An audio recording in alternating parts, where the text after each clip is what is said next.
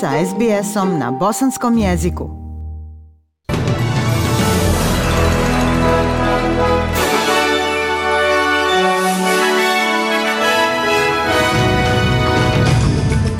U današnjim vijestima poslušajte. Novi Južni Velsi Viktorija bilježe ukupno 48 smrtnih slučajeva.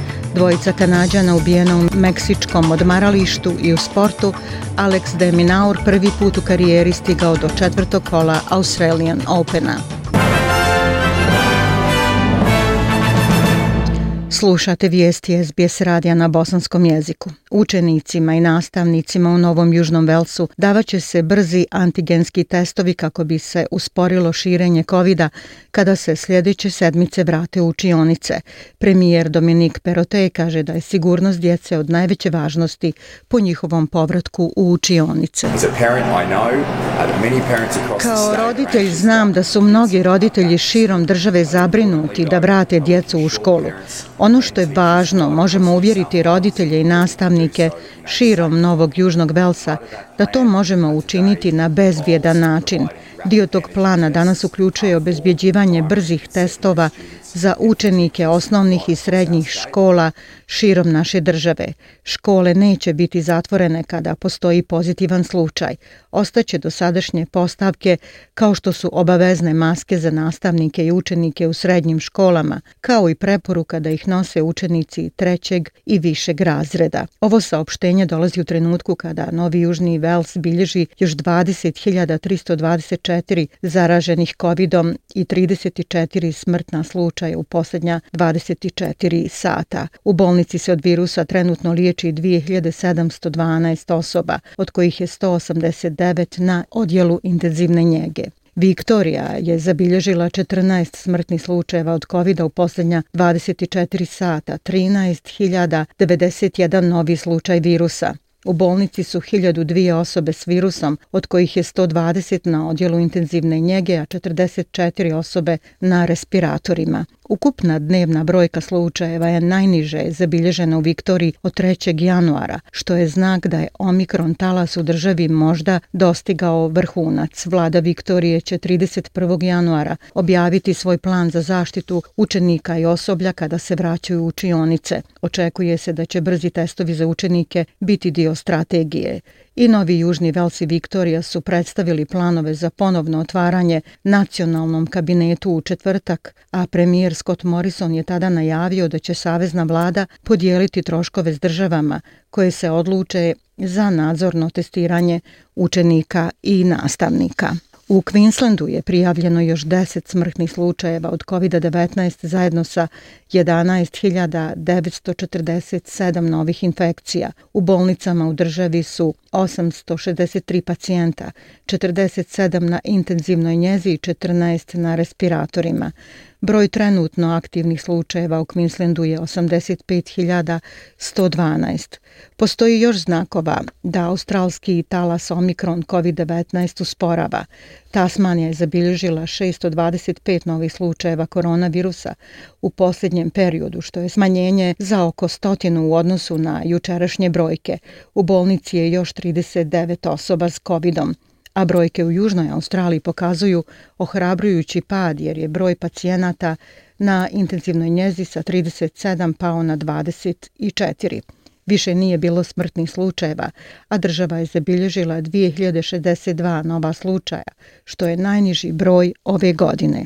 Danas je na snagu stupio novi zakon o sigurnosti na internetu u kojem se navodi da internet ne može biti izvan vladavine zakona – Ministar komunikacija Paul Fletcher kaže da akt koji je prošle godine prošao kroz parlament stupa na snagu danas. To znači da sada imamo snažna nova ovlaštenja za povjerenika za i sigurnost da se bavi ozbiljnim cyber zlostavljanjem odraslih australaca na internetu. Od danas trolovi moraju biti na oprezu, jer ako se upustite u opaku online zloupotrebu nekoga, možete biti izloženi ovlastima koje ima povjerenik za i sigurnost. Gospodin Fletcher kaže da zakon također štiti australce koji su žrtve žrtve ozbiljnog zlostavljanja na internetu, dozvoljavajući im da se žale na isafety.gov.au. Ako povjerenik utvrdi da internetski materijal ispunjava propisani test, povjerenik ima moć zahtijevati da se uvredljivi materijal ukloni sa platforme društvenih medija na kojoj je objavljen. Vijesti iz svijeta. Vlasti izvještavaju da su dva kanadjana ubijena u petak, a još jedan ranjen u pucnjavi u hotelu duž Meksičke Karibske obale. Vjeruje se da su sve tri žrtve prebačene u bolnicu, ali su dvije osobe preminule. Državno tužilaštvo kaže da je osumnjičeni za pucnjavu bio gost hotela sa dugim dosijeom u vezi s razbojništvom, drogom i oružjem. Kancelarija je saopštila da i obojica mrtvih imaju krivične dosije. Jedan gost hotela, Mark Quayle, turista iz Otave, kaže da se nevolje mogu dogoditi bilo gdje. Ja sam tip osobe koja pronalazi nevolje. Ako tražite nevolju, naći ćete je. Znate, to može biti u Meksiku, to može biti Otava u Kanadi, može biti u New York City-u, gdje god da krenete. Ako tražite nevolju, naći ćete je. Kurdske snage koje podržavaju Sjedinjene američke države dovele su u subotu još pojačanja u sjeveroistočnu Siriju pod okriljem koalicijonih zračnih snaga predvođenih SAD-om u pokušaju da vrate kontrolu nad područjima koja je zauzela grupa Islamska država. Intenzivni sukobi vode se oko zatvora Gberain u gradu Hasake nakon što su borci Islamske države pokrenuli pokušaj da zauzmu objekat u kojem se nalaze hiljade ekstremista. Novinar sa sjedištem u Kasakehu rekao je da su brojni kurdski borci i vozila s teškim mitraljezima stigli u to područje jučer kako bi pojačali operacije protiv islamske države. Šahin, borac sirijskih odbrambenih snaga koji se pridružio kurdskim snagama u borbi protiv islamske države, kaže da je bitka nastala iz činjenice da se hiljade zatočenih pripadnika islamske države nisu mogli vratiti u svoje matične zemlje. Situacija da Daš nikada neće biti na terenu, dakle Daš nikada nije postojao, postoji samo u glavama ljudi, a ovo stvara situaciju pravo sada. Dakle, hiljade zatvorenika ne vraćaju se u svoje zemlje, jer ih u njima ne žele. Ovo stvara situaciju da postoje akcije kao ovdje, upravo sada. Četiri policajca njujorške policije upucana su u posljednja četiri dana, što je navelo guvernerku Njujorka Kathy Hochul da pozove na hitnu nacionalnu akciju u borbi protiv kriminala s oružjem. Želim samo da kažem da nam ovo slama srce u cijeloj državi. Ovo se dešavalo previše često. Samo to je snažan poziv na akciju da se kaže onima u Washingtonu koji ne obraćaju pažnju da moramo učiniti više da se borimo protiv pošasti ilegalnog oružja na našim ulicama.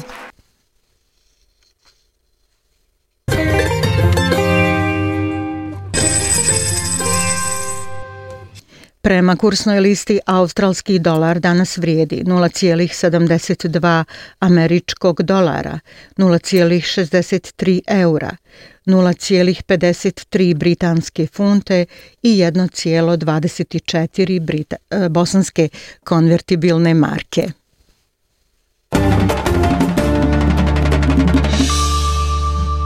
Vijesti iz sporta. Šef tenisa Australije Craig Tiley kaže da je tražio pojašnjenje od savezne vlade u više navrata u oči Australian Opena o tome da se nevakcinisani sportisti mogu takmičiti, ali zbog talasa omikrona informacije su se stalno mijenjale. Gospodin Tajli je govorio o Sagi Novak Đoković koja je zahvatila i tenis Australiju i saveznu vladu radnije ovoga mjeseca.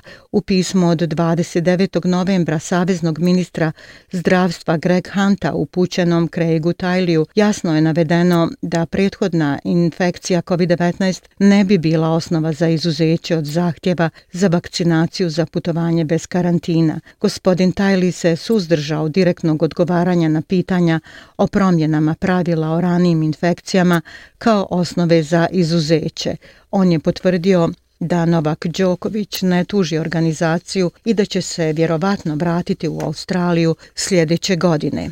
I dalje tenis, Alex de Minauri je prvi put u karijeri stigao do četvrtog kola Australian Opena nakon što je u nizu savladao španca Pabla Anduhara. Deminaur će se u četvrtom kolu susresti s 11. nosiocem italijanom Janikom Sinerom. Pobjedom nad Cinerom Minaur bi izjednačio svoj najbolji učinak na glavnim turnirima nakon što je stigao do četvrt finala US Opena 2020. godine.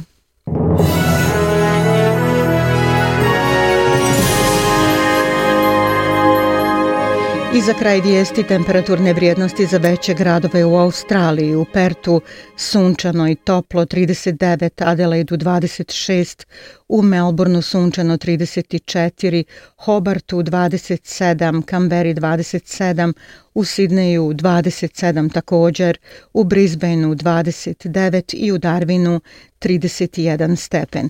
Bile su to vijesti SBS radija na bosanskom jeziku. Ja sam Aisha Hadži Ahmetović, ostanite i dalje s nama.